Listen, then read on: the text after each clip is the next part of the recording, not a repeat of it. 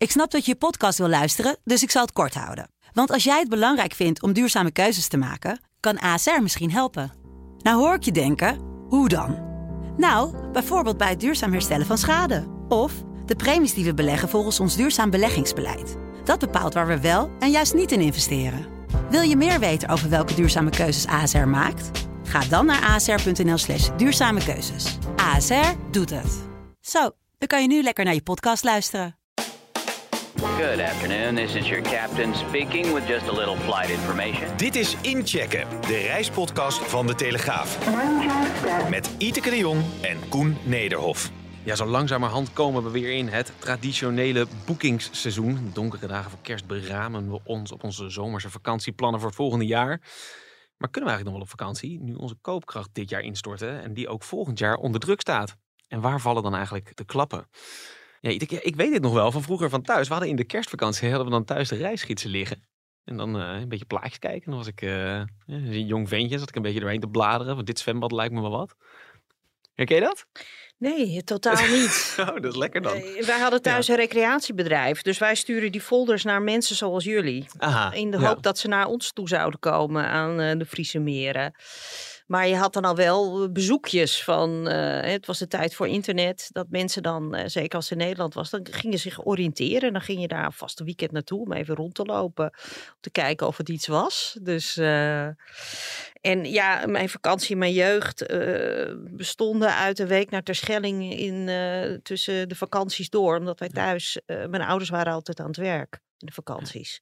Dus we gingen altijd in uh, begin oktober met zware regenval uh, naar de Schelling. Om maar gelijk eventjes, want we gaan uh, een beetje vooruitkijken naar 2023, naar de vakantieplannen. Heb je zelf al plannen? Ja, ik heb toevallig op internet ben ik wezen struinen met mijn man, wat we gaan doen. Wij hadden eigenlijk al een leuke camping gevonden in de Pyreneeën. Oh. Kwamen we op uit. Dus dat we daar eigenlijk wel naartoe wilden. Lekker. Maar ehm, die camping, die, uh, toen wilden we dus gaan boeken. En uh, toen kregen we een melding. Wilt u weggaan? U kunt nog niet boeken. Echt letterlijk go away. gastvrij? Heel gastvrij. Dus we weten niet meer zo goed van hoe komen we aan een plek. Het is best wel een heel, hele grote camping. Enorm waterparadijs. En uh, vlakbij een berg die mijn man dan wil, uh, op zijn fiets wil beklimmen. Ja. Nou, we hadden alle twee wel zin in. Maar ja, nu moet die camping nog even meewerken. Ja. Wat en bizar. prijzen logen er niet om. Maar daar komen we zo meteen op. Precies, daar gaan we het zo over hebben. Nee, we, we gaan even hè, een, onderwerp met nogal wat aspecten uh, ontleden. Ik heb daar vorige week een verhaal over gemaakt. We gaan daar even iets meer de diepte mee in. Hè. De budgetten bij de consument, die slinken. En tegelijkertijd gaan de prijzen van een reis aan alle kanten omhoog om uh, uiteenlopende redenen. Laten we eerst eens even beginnen bij die, bij die budgetten hè, van huishoudens. Nou, in de loop naar, naar Prinsjesdag becijferde het Nibud dat de koopkracht van een gemiddeld Nederlands huishouden met 6,8% achteruit ging dit jaar. Ja, dat is echt een bizarre klap. Um, dan zou je denken dat merkt de reiswereld direct. Die noteerde op dat moment echt gigantische boekingscijfers. Daar ging eigenlijk de vlag continu uit. Maar het was een soort van, ja, dat was een soort inhaalgedrag. Hè? Zo werd dat een beetje gezien. Nou ja, een aantal mensen hadden natuurlijk nog foutjes liggen uit ja. uh, van voor corona. Dus volgens mij zijn die ook nog uh, ingewisseld uh, dit jaar. En uh, ja, iedereen wilde toch weer naar uh, familie of vrienden in het buitenland. Ja.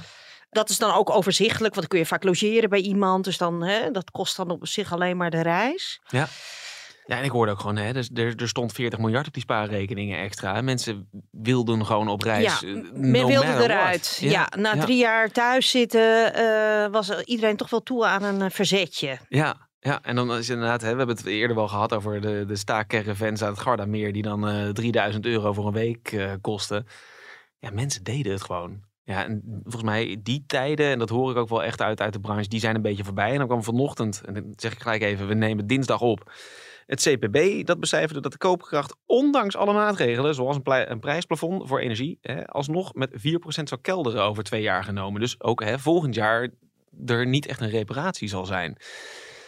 Ja, dan begint het natuurlijk te wringen, die budgetten. Ga je dan nog op vakantie en ga je nog wel zo vaak als dat we misschien dit jaar zijn gegaan of dat we voor corona deden? Ik vraag me af wanneer dan het moment is dat de consument echt gaat ontwaken. Want nu worden ze eerst nog uit de brand geholpen ja. door het energieplafond. Dan is het voorjaar, dus dan hoeft de kachel misschien niet meer zoveel aan. Snap je, als de regeling is afgelopen. Dus ik weet niet of dit meteen al zijn weerslag zal hebben op het eh, boekingsgedrag. Nee, maar ik denk wel dat heel veel mensen die, die gaan nu al merken hè, dat, dat hun energiecontract bijvoorbeeld is afgelopen. Dat ze een nieuw contract krijgen. En dat dat maandbedrag zo gigantisch omhoog gaat. Ik had het zelf ook. Ik had het dit voorjaar al. Ik ging van 90 naar 380 euro. Dus ja, ik denk dat toch veel mensen dat wel, wel gaan merken. Plus natuurlijk, hè, alles is duurder geworden. En dan met name de boodschapjes ook. Ja, Ehm. maar als jij dus 125 euro per maand, hè, stel, eh, of laten we 200 nemen, per maand eh, kwijt bent, Mhm. extra aan energie. Ja, dat is precies eh 2400 euro per jaar. Ja. Dat is een eh, zomervakantie of een meivakantie. Precies. En dan heb je ook nog eens een keer aan de hand dat hè, de verwachting is toch wel, en dat hoor je ook in Politiek Den Haag, dat die energieprijzen hoog zullen blijven. Misschien wel jarenlang. Ja, Ja. dat vind ik een beetje eh, een vreemde veronderstelling. Eh, dat impliceert dat de overheid ons opzettelijk een hoge prijs wil laten betalen. Want zij hebben geen invloed op de, op de wereldmarkt. En eigenlijk moet de staat ervoor zorgen dat we betaalbare energie hebben. Dus Ja. dat, dat is iets, dat vind ik wel een beetje apart. Ja, En we hebben het- zelf ook nog een enorme gasvoorraad. Dus eh, ik vind dat, dat, dat de staat hier, maar goed, dat is een ander onderwerp. Ik wou net eh, zeggen, jij wil actief van alle luisteraars in Groningen af, hoor ik, hoor ik al. Nou, nee, er is ook nog een hele gasbel aan, eh, onder de Noordzee Ja, eh, bij goed. Denemarken. Dus weet je, er wordt heel eigenlijk eh, beperkt de staat zich. Maar goed, dat is een ander onderwerp. Ja, maar het is wel de koers die wordt gevaren. Van nou ja, eh, Ja. hou er maar rekening mee dat het hoog zal blijven. En daarmee zal ja, maar hoe, onder druk blijven. Hoe, hoe blijft het hoog? Hè? Is dat omdat de staat de energiebedrijven de, de vrije hand eh, blijft geven? Dat jij je voorschot niet omlaag kunt brengen? Of is dat omdat de gaskraan dicht blijft? Want eigenlijk zijn wij een soort van Qatar zelf, hè? Dat is wel een leuke, een leuke reference naar twee weken geleden die je daar maakt. Ja. ja. ja nee, Maar goed, kijk, eh, laten we ervan uitgaan. eh, hè, want ik, ja, ik, ik vind dat lastig te accepteren, merk je. Want, Ja. eh, want ik, ik, ik denk van een staat heeft maar één ding. En dat is voedsel en, en, en energie betaalbaar houden voor de eigen burgers. Dus in die zin denk ik van ja, wat, wat voor politiek bedrijft CPB hier? Maar goed, laten we aannemen dat dat het geval is. Ja. En dat het hoog blijft. Nou, dat is één vakantie minder per jaar. Ja, ja, voor een gemiddeld huishouden. Maar er zit nog wel een verschil in. Daar komen we zo meteen op. Want we gaan nu even die andere kant pakken. Eh, hè, de budgetten gaan omlaag en de prijzen. Nou, de prijzen in de reis- en luchtvaartwereld, daar hebben we het regelmatig over gehad. Eigenlijk stijgt alles. Alles wordt duurder. En dan gaan we eerst maar eens even de luchtvaart eh, erbij pakken. Een heel rijtje eh, om maar te beginnen. Dure kerosine. Daar weet je alles van. Ehm, Nou, maar ik vind het op dit moment nog niet heel erg uitzonderlijk. De kerosine, dat is eigenlijk op een relatief normale prijs op Ja. dit moment. Het ligt niet boven de 100 dollar per vat of zo. Dat zijn echt, eh, dat het echt gierend uit de klauwen loopt. Ja, maar volgens mij is het wel lager geweest. Het was 70 volgens mij. En dat is anderhalf jaar geleden. En dan heb je natuurlijk maatschappijen die, die hatchen. Dus die, die kopen van tevoren in voor bepaalde prijzen. die bijvoorbeeld- lopen daar nu uit. en Frans KLM die hedgt eh, voor 70 nog Mhm. eh, dit jaar gemiddeld. Die lopen nu de komende maanden iets omhoog. Maar dat ik denk van, nou... En de tickets zijn momenteel hartstikke duur. Dus kennelijk kunnen ze dat gewoon doorrekenen op dit moment. Nou, maar dat is natuurlijk wel wat er gebeurt. Ik bedoel, het Ja. wordt wel doorgerekend. En, en eh, al zal het maar iets omhoog gaan. Dat ga je zeker op een lange afstand. Ga je dat zeker merken. merken. Ja, Ja. ja. Dus ik vraag me ook af, want er zit natuurlijk een einde aan een prijsstijging van een ticket. Dat zegt KLM ook steeds. Ja. Hè? Dat is, eh, die levert het meeste intercontinentale bestemmingen vanaf eh, Schiphol. Dus die nemen we maar even als voorbeeld. Als je naar Amerika moet voor een vakantie, als je 1700 euro per gezinslid moet aftikken, Ja, en dan heb je alleen nog maar de vliegreis. en dan heb je alleen nog maar de vliegreis. Dat is niet iedereen. eh, wij hebben er ook Nee. naar gekeken, naar Amerika volgend jaar. Ja. En het is Nou toch ja. de Pyreneeën geworden, hoor ik al. Ja, ja. dus het is gewoon te duur op Ja, dit moment voor want- ons dan. Even hoor, want ik ik ben wel eens naar Amerika gevlogen voor... en dan boekte ik een week van tevoren en dan was het 550 euro of zo. Ja, dat is een dumprijs. Ja. Wat, wat waren... Nou ja, toen was er kennelijk veel aanbod. Toen, Ja. eh, maar goed, in die tijd was Norwegian Air Shuttle ook nog Moest je actief. overstappen op IJsland en zo. eh, Nee, dat was, of- dat, of was wauw. Dat was Wauw. wauw, was dat, Ja. Maar toen, eh, de co- concurrentie was enorm. Maar Ja. Norwegian is, eh, is, is eruit eh, gevallen. Hm. Hè, stel je voor, eh 1500 euro pp. Nou, dat loopt al aardig in de papieren. Ik kan me ook voorstellen, als we komen nu op het vraagstuk van de revenue management. Mhm. Als KLM ziet dat de vliegtuigen nog niet vol genoeg is, nou, dan stunten ze nog wel weer even. Dus daar zit op zich ook nog wel weer een corrigerend effect is. Maar goed, de vraag is op dit moment nog steeds enorm. Ja. Ja.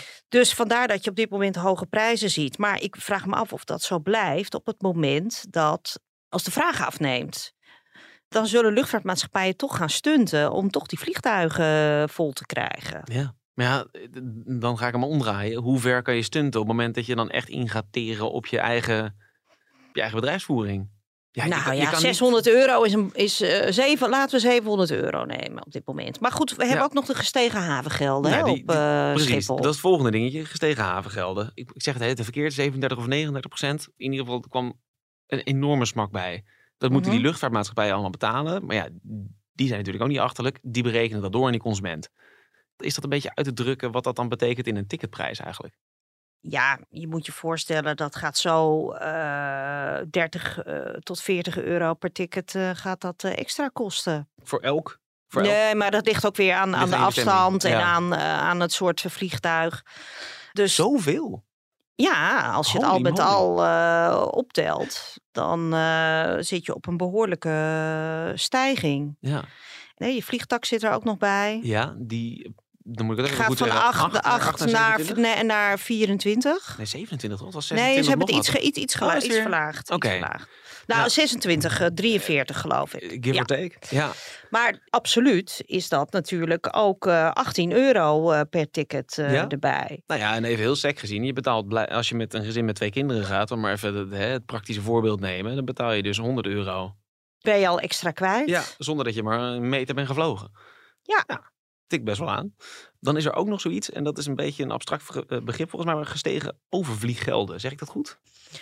Eh, ja, dat is eh, de kosten voor je lucht, luchtverkeersleiding om ergens een grens over te steken. Ja. Of, of dat Rusland, maar goed, Rusland is een slecht voorbeeld in dit geval, omdat er op dit moment een, het luchtruim is gesloten in verband met sancties. KLM bijvoorbeeld, die was heel erg afhankelijk van het luchtruim van Rusland Mhm. om in Japan te komen en in China. Ja. Nou, elke keer eh, als KLM door het luchtruim eh, moest, dan rinkelde de kassa bij eh, Poetin. En ja, landen vragen daar soms grof geld voor. Dat speelt natuurlijk ook nog een rol. Alle reizen richting Azië, die, die, zullen duurder zijn geworden. Want je moet omvliegen en dus meer brandstof verstoken. Dat zal je in de prijs merken ook. Is dat, is dat, er, is dat er gaandeweg al ingeslopen? Ja, dat is afgelopen tijd eh, is dat al gebeurd. Ehm, wij hebben een collega en die vliegt niet meer met de KLM naar eh, Bangkok, omdat het hem eh, te duur is geworden. Weet je, het is gewoon een stapeling van, van kosten. En dat kan soms echt honderden euro's kan dat schelen. Ja. Nou ja, voor een vakantie is dat nogal, nogal een ding. Dan hebben we ook nog, hè, überhaupt, daar hebben wij volgens mij een, een anderhalf maand geleden een verhaal over gemaakt. Er zijn überhaupt ook minder lijndiensten. Bijvoorbeeld naar, naar Indonesië, dan naar Bali. Er, wordt gewoon min, er zijn minder eh, diensten die kant op. En dat is een soort na-eil-effect van corona. Maar dat heeft ook te maken met personeelstekorten. Ook, Nou, ja. Dat betekent dat er minder aanbod is. Dus gaat de prijs weer Dus gaat- omhoog. ja. Want er zijn mensen die moeten toch die kant op. Ja, of willen dolgraag. Ja, Ja. zeker. Dus dat speelt ook nog mee. Nou, een week of twee, drie geleden zat ik nog eventjes met, eh, met Attila Uslu van eh Corendon te praten. En hadden we het over nou, een ticketje naar, naar de Canarische eilanden. Hij zei, ja, dat wordt wel 100 euro duurder. Binnen nu een, eh, en een paar maanden. Nou ja, en dat, dat is nog maar naar de Canarische eilanden. Kun je nagaan wat er gebeurt richting inderdaad een, een Bali, een Florida, een, eh, een eh, wat ze van nog meer noemen, Ja, Costa ik Rica. sprak eh, dit weekend iemand met een reisbureau. Die was gespecialiseerd in Indonesië.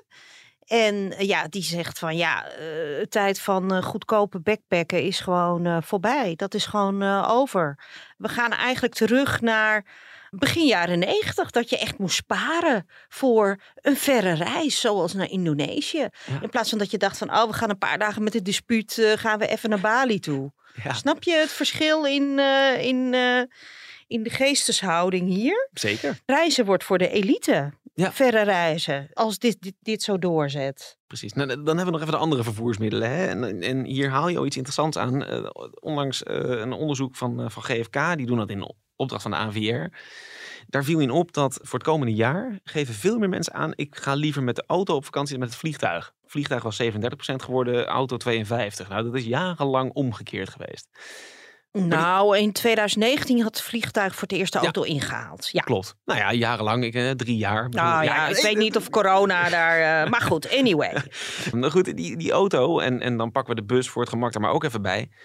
Ja, die waren vorig jaar eigenlijk al duurder. Dat is heel grappig. Als je kijkt naar, naar hè, de, de benzineprijzen, eh nou, de diesel hobbelde daar iets achteraan. Maar eind vorig jaar braken we voor het eerst door die magische grens van 2 euro heen. En daar zitten we nu net onder. Daarvan zou je kunnen zeggen, nou dat is dan nu niet zo heel erg veel veranderd. En volgens mij zijn de tolprijzen ook niet per se schi, eh schier omhoog gegaan. Nee, maar je betaalt natuurlijk wel een, eh, een, een, een bak geld Ja. eh, om naar de Pyreneeën te rijden, in, Ja. in mijn geval. Heb je dat al uitgerekend? Hoeveel je dat gaat kosten? Dat zou mij nu, op dit moment zou dat 200 euro zijn. Oké. Ja. Dus dan reken ik twee volle tanken om Ja. daar te komen. Ja, of vier- nou ja, laten we 150 van Ja, maken. Nou, dan hè, nog een paar bakjes koffie, eh, een fristie en een chocomel onderweg. Vier magnums. Ja. Nou, Ja. de benzine in Frankrijk is natuurlijk wel goedkoper, hè? Dus Ja. je kunt wel een beetje daarmee eh, rekenen. Maar, heb, nou je de, ja, heb je de tolpoortjes meegerekend? eh, nee, dan zitten we op 200 euro, denk ik. ja. Want dat is zo 50 euro wat je kwijt bent Ja. als je door Frankrijk eh, moet. Maar goed, 200 euro met z'n vieren. Is te doen. Enkele reis heb ik het over. Oké, genoteerd. Dan hebben we natuurlijk nog een, een, een hè, vliegtuig, auto, bus. Een vierde optie, de trein. Zitten we een beetje te kijken, is dat nou goedkoper of niet? Het- hè, De Consumentenbond zei in 2019, naar acht van de tien stedentrips die zij bekeken, was de trein goedkoper dan het vliegtuig. We hebben zelf ook even zitten, zitten kijken eh, voor een, voor een artikel wat wij wat eerder hebben geschreven. En toen was eigenlijk de trein naar Parijs was, eh, goedkoper dan het eh, vliegtuig. Ja. Berlijn was erg concurrerend. Ja, Kostte maar 80 euro om daar te komen.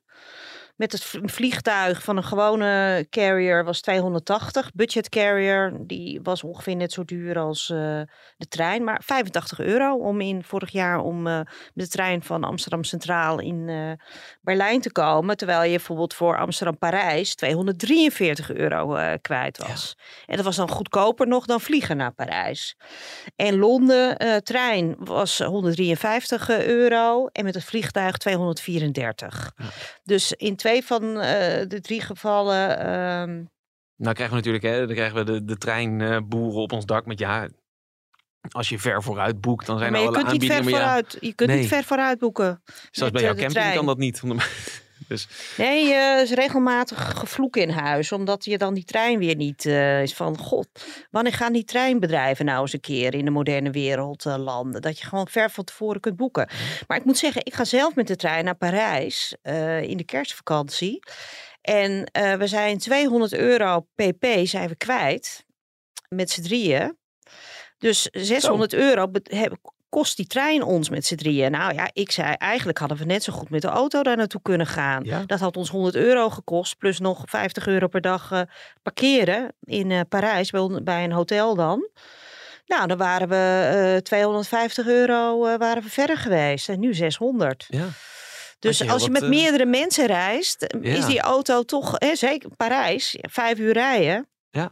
Het is wel eh, een stuk goedkoper. Ja. Toch één avond uit eten in Parijs die je ermee uitspaart. Nou, precies. Ja, ik wilde zeggen heel wat Magnums en kopjes koffie onderweg. Maar nee, een avondje in Parijs lijkt me ook een goed idee. Ja, 350 Ja. euro. Ik zit En- niet en- elke dag op straat En liggen. tegelijkertijd hè, is natuurlijk die trein. Ik bedoel, het is allemaal hartstikke mooi. En we, we moeten het ook echt wel even benoemen. Maar de massa, die gaat natuurlijk naar Mallorca, naar Kreta, naar Turkije, eh, naar Dubai.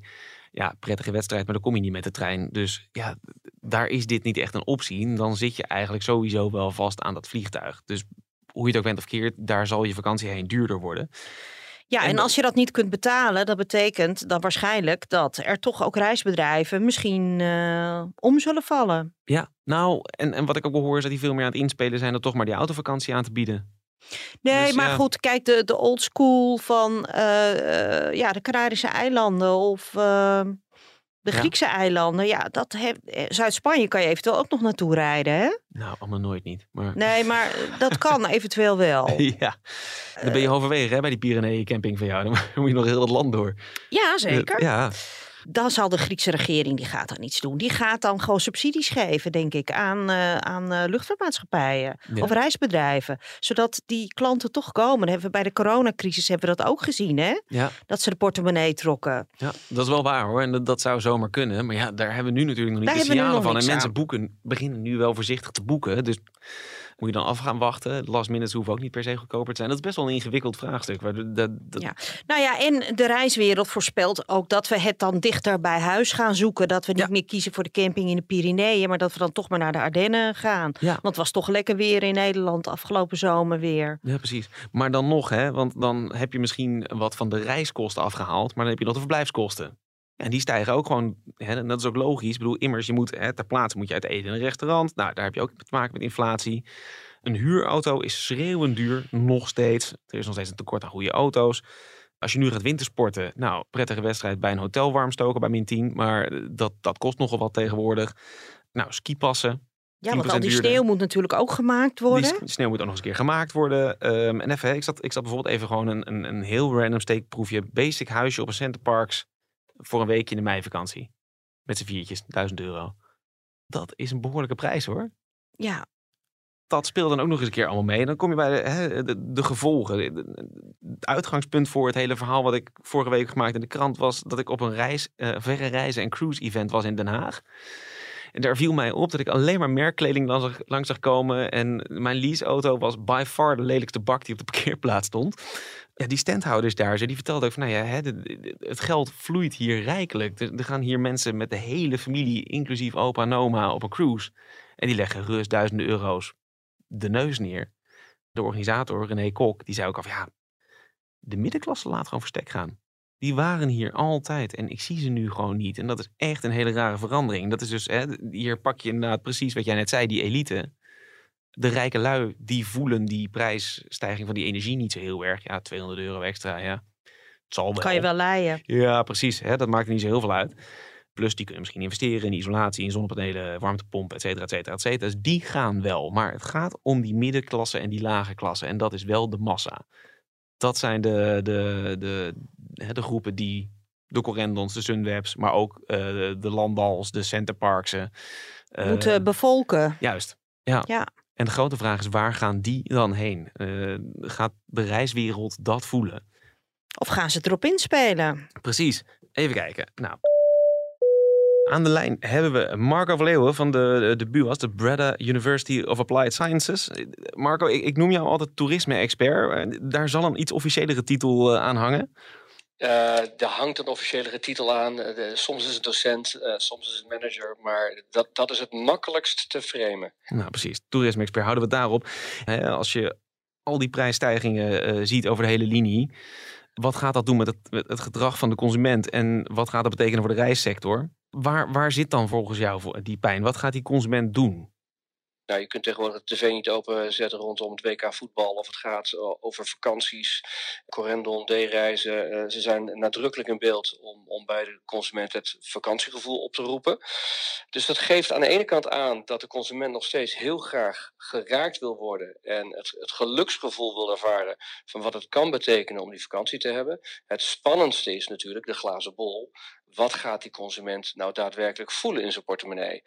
ik denk toch dat je moet gaan kijken naar een grote groep middenklassers. Die, die gaan geraakt worden.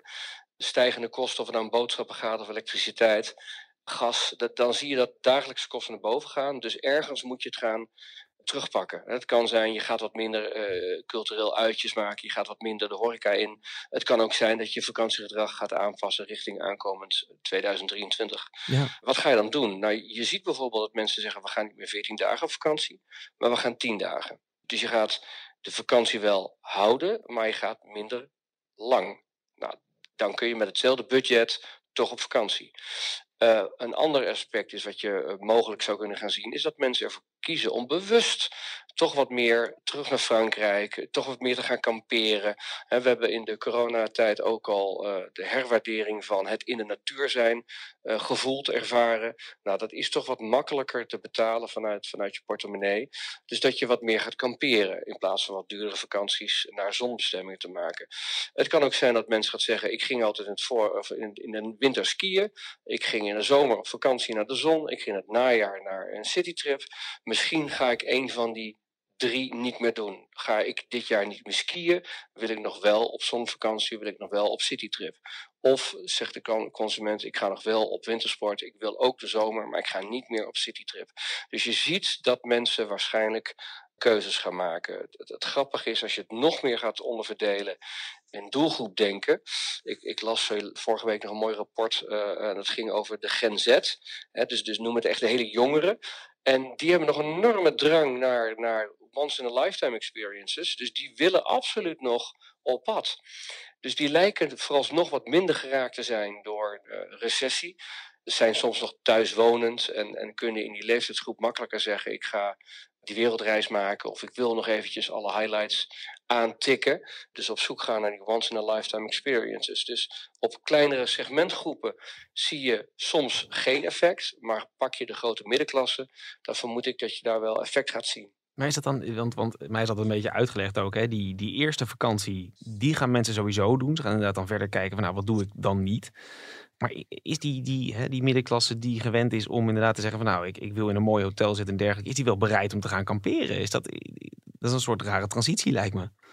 Ja, nou, die, die consument in jouw voorbeeld die jij benoemt, die zal misschien zeggen: Ik ga niet 14 dagen naar Turkije, maar ik ga nog maar 10 dagen. Ja, oké. dus, dus, dus, die zal daarin zijn gedrag gaan aanpassen. Een grotere groep die al gewend was Middellandse zeevakanties te boeken naar de, naar, naar de Griekse eilanden, maar door corona misschien in aanraking is gekomen met: We kunnen ook gaan kamperen die zal wat makkelijker die keuze blijven houden bij het kamperen. Want die kampeermarkt is echt wel uh, gaan groeien sinds corona.